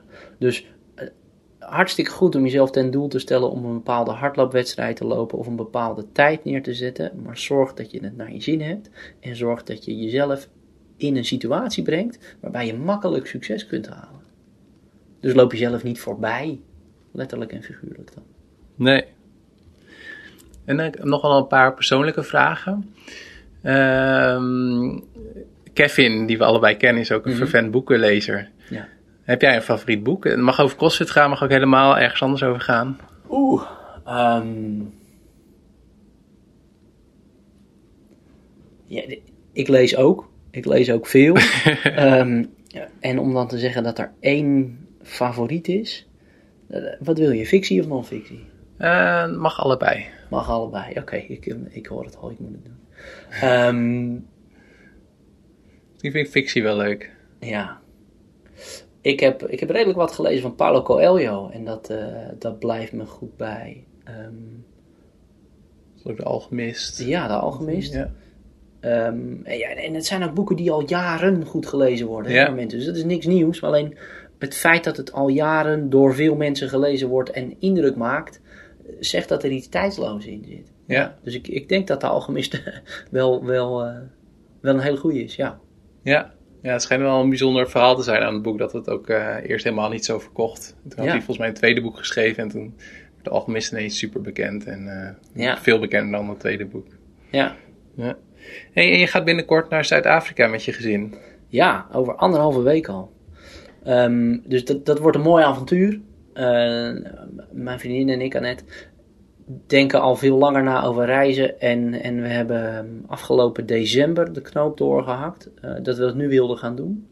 Dus we hebben uh, ja, allebei geregeld dat we, dat we anderhalf jaar weg kunnen. Ik heb twee dochters. Jules is 3,5, Pippa is 2. Dus die hoeven nog niet naar school toe. Dus we gaan een jaar met ons gezinnetje van vier op, uh, op reis. Of iets meer dan een jaar op reis. En beginnen in Zuid-Afrika inderdaad. Ja, en je vertelde ook in de, toen we hier naar de opnamelocatie liepen dat je ook uh, behoorlijk hebt geminimaliseerd in, uh, in je spullen. Ja. ja, dat hoort erbij. Je kan niet alles meenemen als je op reis gaat. Uh, dus het, plan is om gewoon met vier koffers of vier tasjes, het worden tassen, op reis te gaan. En we nemen een, een, buggy mee voor die kabouters, zodat we iets verder weg kunnen lopen met ze. Maar, maar, dan moet je keuzes maken. Dus dat betekent qua kleding keuzes maken, qua elektronica, boeken. Um, ja, we nemen een hoop dingen niet mee wat er als eerste mijn tas in ging, was een creditcard. Dus dan komt alles wel weer goed, denk ja, ik. Ja, en de CrossFit Outfit gaat ook mee, hè? Want je gaat in Zuid-Afrika ook wel naar een box toe. Uh... Ja, zeker. Ja, dus dat, dat doen we al, uh, al jaren. Als we ergens in het buitenland zijn, zoeken we altijd een andere box op. Um, er is niks mis met een stukje hardlopen en dat doen we ook hoor. Maar alleen het, het leuke is altijd wel om zo'n community uh, binnen te stappen. Waarbij je dan meteen de parallellen ziet met je eigen community. Ja. dus ik, ik heb een paar schoenen en een broekje en een t-shirt mee, ja. En wat uh, ik, heb, wij, ik met mijn vriendin hebben in, uh, op uh, CrossFit Bali gesport en in mm -hmm. Singapore. En ik heb ook in Helsinki ben ik geweest. Wat, ehm, wat, wat is een herinnering die jij hebt van hey, dat was eigenlijk best wel bijzonder? Um, ik ben eerder in Zuid-Afrika geweest en daar was ik bij CrossFit Adam in Naisna. Um, bestaat nu niet meer, maar, maar toen nog wel. En ja, dat was echt een, een ouderwetse, rauwe crossfitbox. Dus die zat op het hoekje van een industrieterrein. Industriële hal, grote overheaddeur, binnen wat pull-up racks staan en, uh, en uh, wat barbels liggen en kettlebells natuurlijk. Een coach die heel veel indruk op me gemaakt heeft toen, Marlo. Um, volgens mij is hij nu coach bij Cape CrossFit, dus dan kom ik hem nog tegen. Um, maar, maar, die wist waar hij het over had in één keer. En, en dat maakte hij uh, aan mij. En ik was met een vriend daar als toeriste. Um, duidelijk zonder het er dik bovenop te leggen. Gewoon in de dingen die hij zei, spot on. En niet overdreven aan het spuien met zijn kennis en popiopie aan het doen.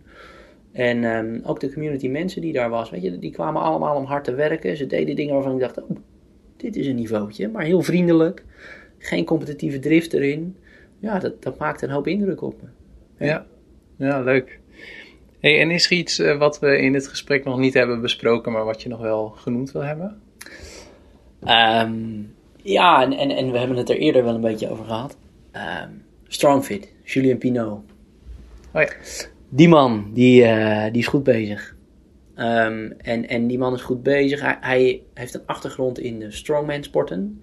Um, sterkste man van Nederland, maar dan in de Verenigde Staten. Ballen. Uh... Ja, uh, vaten, jokes, vrachtwagens trekken, dat soort dingen allemaal. Atleten. En um, um, hij kwam bij mij op de radar omdat hij in de podcast van Barbel Shrugged zat, een jaar of twee terug. En um, sindsdien ben ik hem een beetje gaan volgen en hij doet een paar dingen heel goed. Wat hij heel goed doet in mijn optiek is kritisch zijn. Niet zomaar iets aannemen als, als waarheid, omdat iemand het ergens gezegd of geschreven heeft. Maar echt wel doorzagen totdat je de kern ervan begrijpt. En hij haalt een heleboel principes van buiten de trainingsleer of van buiten het crossfit of van buiten de medische wereld de sport in. Dus uit de psychologie, uit de biologie, uit de wiskunde, uit, zelfs uit de economie. Um, en um, hij heeft een Frans accent, dus je moet goed opletten als hij praat. Um, maar hij zegt daarin hele zinnige dingen. Onder andere over wat er gebeurde uh, nu op de laatste regionals van 2017. Uh, daar zat het tweede event in met uh, dumbbell snatches en ring dips. Uh, waarbij gigantisch veel mannen zich blesseerden. En um, uh, ik weet de exacte aantallen niet. Um, maar op een gegeven moment was het zo dat, dat bijna 10% van de deelnemers die meededen aan dat event. Ja, eruit kwam met een blessure aan zijn borst. Een verrekking of een scheurtje. En we hebben het nu over de fitste van de fitste atleten. Die allemaal al jarenlang met een hoge intensiteit, met veel volume trainen. Ringdips zijn een beweging die vaker in CrossFit voorkomen. Ringdips zijn een beweging die vaker met dit rep scheme 21, 15, 9 voorkomen. Uh, en toch uh, uh, gaan er heel veel mensen de mist in en lopen ze een serieuze blessure op. Um, en hij, hij, heeft daar een mening over, waarvan ik denk dat hij voor een heel groot deel op de goede weg is. Er zijn meer mensen die daar een mening over hebben. Um, Telena Fortunato is er een van, een, een uh, atlete die ook fysiotherapeut is. Crossfit atlete die ook fysiotherapeut is. Um, je kan nog eens kijken naar die jongens van uh, die Active Life, zitten aan de East Coast van de Verenigde Staten. Die hebben er ook een idee over. Um, Kelly Starrett zal er ongetwijfeld een idee over hebben. Over hoe het nou komt dat atleten zo massaal zich hier aan uh, blesseren. Mijn idee sluit flink aan bij dat van Julien Pinot. Um, dat het uh, een training, een, een, spiergroep is die niet getraind is om te doen wat er in de ringdips van ze gevraagd werd. Namelijk stabiliseren en een hele snelle overgang tussen een excentrische contractie naar een isometrische contractie. Dus dat klinkt misschien als, als abracadabra voor, voor de gemiddelde luisteraar, maar iedereen weet als je in de ringen hangt, dat je bezig bent om die ringen onder je lijf te houden, dat ze niet wegschieten naar de buitenkant. Daar moet je borstspier een hoop voor doen. Als je inzakt en naar beneden gaat in de ringen, dan moet die borstspier dat onder controle doen, maar langer worden. Dat noemen we excentrische contractie. En vandaar proberen deze atleten, die allemaal groot en sterk en zwaar zijn, dan heel explosief, poef, in één keer omhoog te komen. En op dat overgangspunt zie je dat het misgaat bij veel mensen. Waarom? Omdat ik denk dat ze dat te weinig getraind hebben met hun borstspier. Voor mensen die al jarenlang heel veel en heel hard trainen. Ja. Dus dat is knap. En dat is wat ik zo mooi vind aan CrossFit. De intensiteit van CrossFit brengt altijd naar boven waar jouw zwakke schakel zit. Die jongens die kunnen allemaal 50 ringdips doen, weet ik zeker. Als ze er de tijd voor hebben. Eitje, twee vingers in de neus. Maar nu 21, 15, 9. Dat zijn er 45 in totaal. Poef, borstspier afgescheurd. Ja. Dus ja, weet je, intensity shows flaws. Altijd. En dat is wat ik in de fysiotherapie ook uh, gebruik. Ja. Ja. Hey, en wat vond je van het interview? Ja, leuk om te doen. Uh, niet mijn dagelijkse kost, maar, maar, uh, maar leuk om een keer te doen. Um, ik vind het grappig om zo mijn ideeën over crossfit of fysiotherapie te kunnen delen. Uh, al denk ik wel dat het moeilijk is om dat te doen als je het altijd maar over algemene dingen hebt. Ja. Um, en, en ik hoop dat de, de, mensen die mij kennen, omdat ze met mij gewerkt hebben als coach of fysiotherapeut, ik hoop dat die mensen over mij kunnen vertellen dat ik in hun individuele geval kan doorgronden wat het probleem is en je een, een hapklare oplossing kan bieden wat je, wat je moet doen om dat op te lossen. Um, maar, maar dat is maatwerk, dat is individueel werk. En ik weet zeker dat er betere crossfit coaches zijn dan dat ik er ben in Nederland. Ik weet zeker dat er betere fysiotherapeuten zijn dan dat ik ben in Nederland. Ik weet ook zeker dat er mensen zijn die de overlap tussen coachen en fysiotherapie beter doen dan ik. Maar ik denk als de mensen die met mij gewerkt hebben over mij kunnen vertellen dat ik kan doorgronden wat hun probleem is en dat ik ze kan helpen om het op te lossen, nou, dan ben ik heel tevreden met wat ik gedaan heb. Dus als dit interview helpt om mensen zo naar hun eigen fysiotherapeut te laten kijken, of zo naar hun eigen coach te laten kijken, doet hij of zij dat nou voor me? Dan krijgen we een hoop kritische atleten of kritische klanten en vanzelf betere coaches en betere fysiotherapeuten. Ja, en als mensen um, uh, toch met jou in contact willen komen, ja, je bent natuurlijk uh, straks even niet beschikbaar, maar straks eh, misschien wel op afstand of, of ja. straks weer als je terug bent. Hoe uh, kunnen ze jou bereiken? Waar ben je te vinden? Ja, um, waar ik te vinden ben, dat weet ik niet komend jaar op reis. waar ben je online te vinden? Ik zit op Instagram, ja. Dus mijn Instagram tag is mijn naam, Thaddeus Knops, met T-H-A en dan twee D's, E-U-S, Karel, Nico, Otto, Pieter, Simon Knops, Thaddeus Knops. Um, ik Instagram niet veel en als ik Instagram, dan gaat het vaak over mijn kinderen of iets wat ik zelf doe qua sport. Maar dat kun je me in ieder geval vinden. Um, en je zou kunnen kijken op mijn website, dat is melius.blog. Melius is met de M van Marie, Eduard, Leo, Isaac, Utrecht, Simon.blog. Um, en dat is de website van uh, uh, mijn freelance bedrijfje, wat ik twee maanden terug opgezet heb. opgezet heb. Daar heb ik, een, ik denk vijf blogs opgezet um, uh, die je kunt lezen, maar je bent snel klaar met lezen. En dat bedrijfje dat stopt met bestaan omdat ik uitgeschreven word in Nederland. Maar ik hou de website wel aan, dus dan kan ik altijd als ik terugkom daar weer mee verder. Ja, en maar via die twee kanalen kun je me goed bereiken. Dat is dan ook je contactinformatie. Ja, dan kun je me een contactformulier kun je me een mailtje sturen. Ja. Ja, oké, okay, nou hartstikke goed. dankjewel, Thaddeus, dat hier. Ten eerste, ja, dankjewel Peter dat je mij uitgenodigd hebt. Ik vond het leuk om te doen. Nou, hartstikke goed. Jij ook bedankt. Oké. Bedankt voor het luisteren naar de Project Leven Show. Wat ik leuk vind is als je een beoordeling of review op iTunes achterlaat. Je kan mij ook een e-mail sturen op peter.projectleven.nl Ga naar patreon.com slash projectleven om de podcast te steunen en om toegang te krijgen tot alle uitgeschreven transcripts van de interviews, audio-opnames van voor- en nagesprekken met de gasten, mogelijkheid om vragen te stellen aan komende gasten en exclusieve concepthoofdstukken van mijn nieuwe boek. Oh ja, vergeet niet om naar projectleven.nl te gaan voor meer informatie over mijn nieuwsbrief, mijn e-book, de biohacking meetups, de Super Lifestyle Summit, volgende podcastafleveringen en nog veel en veel meer.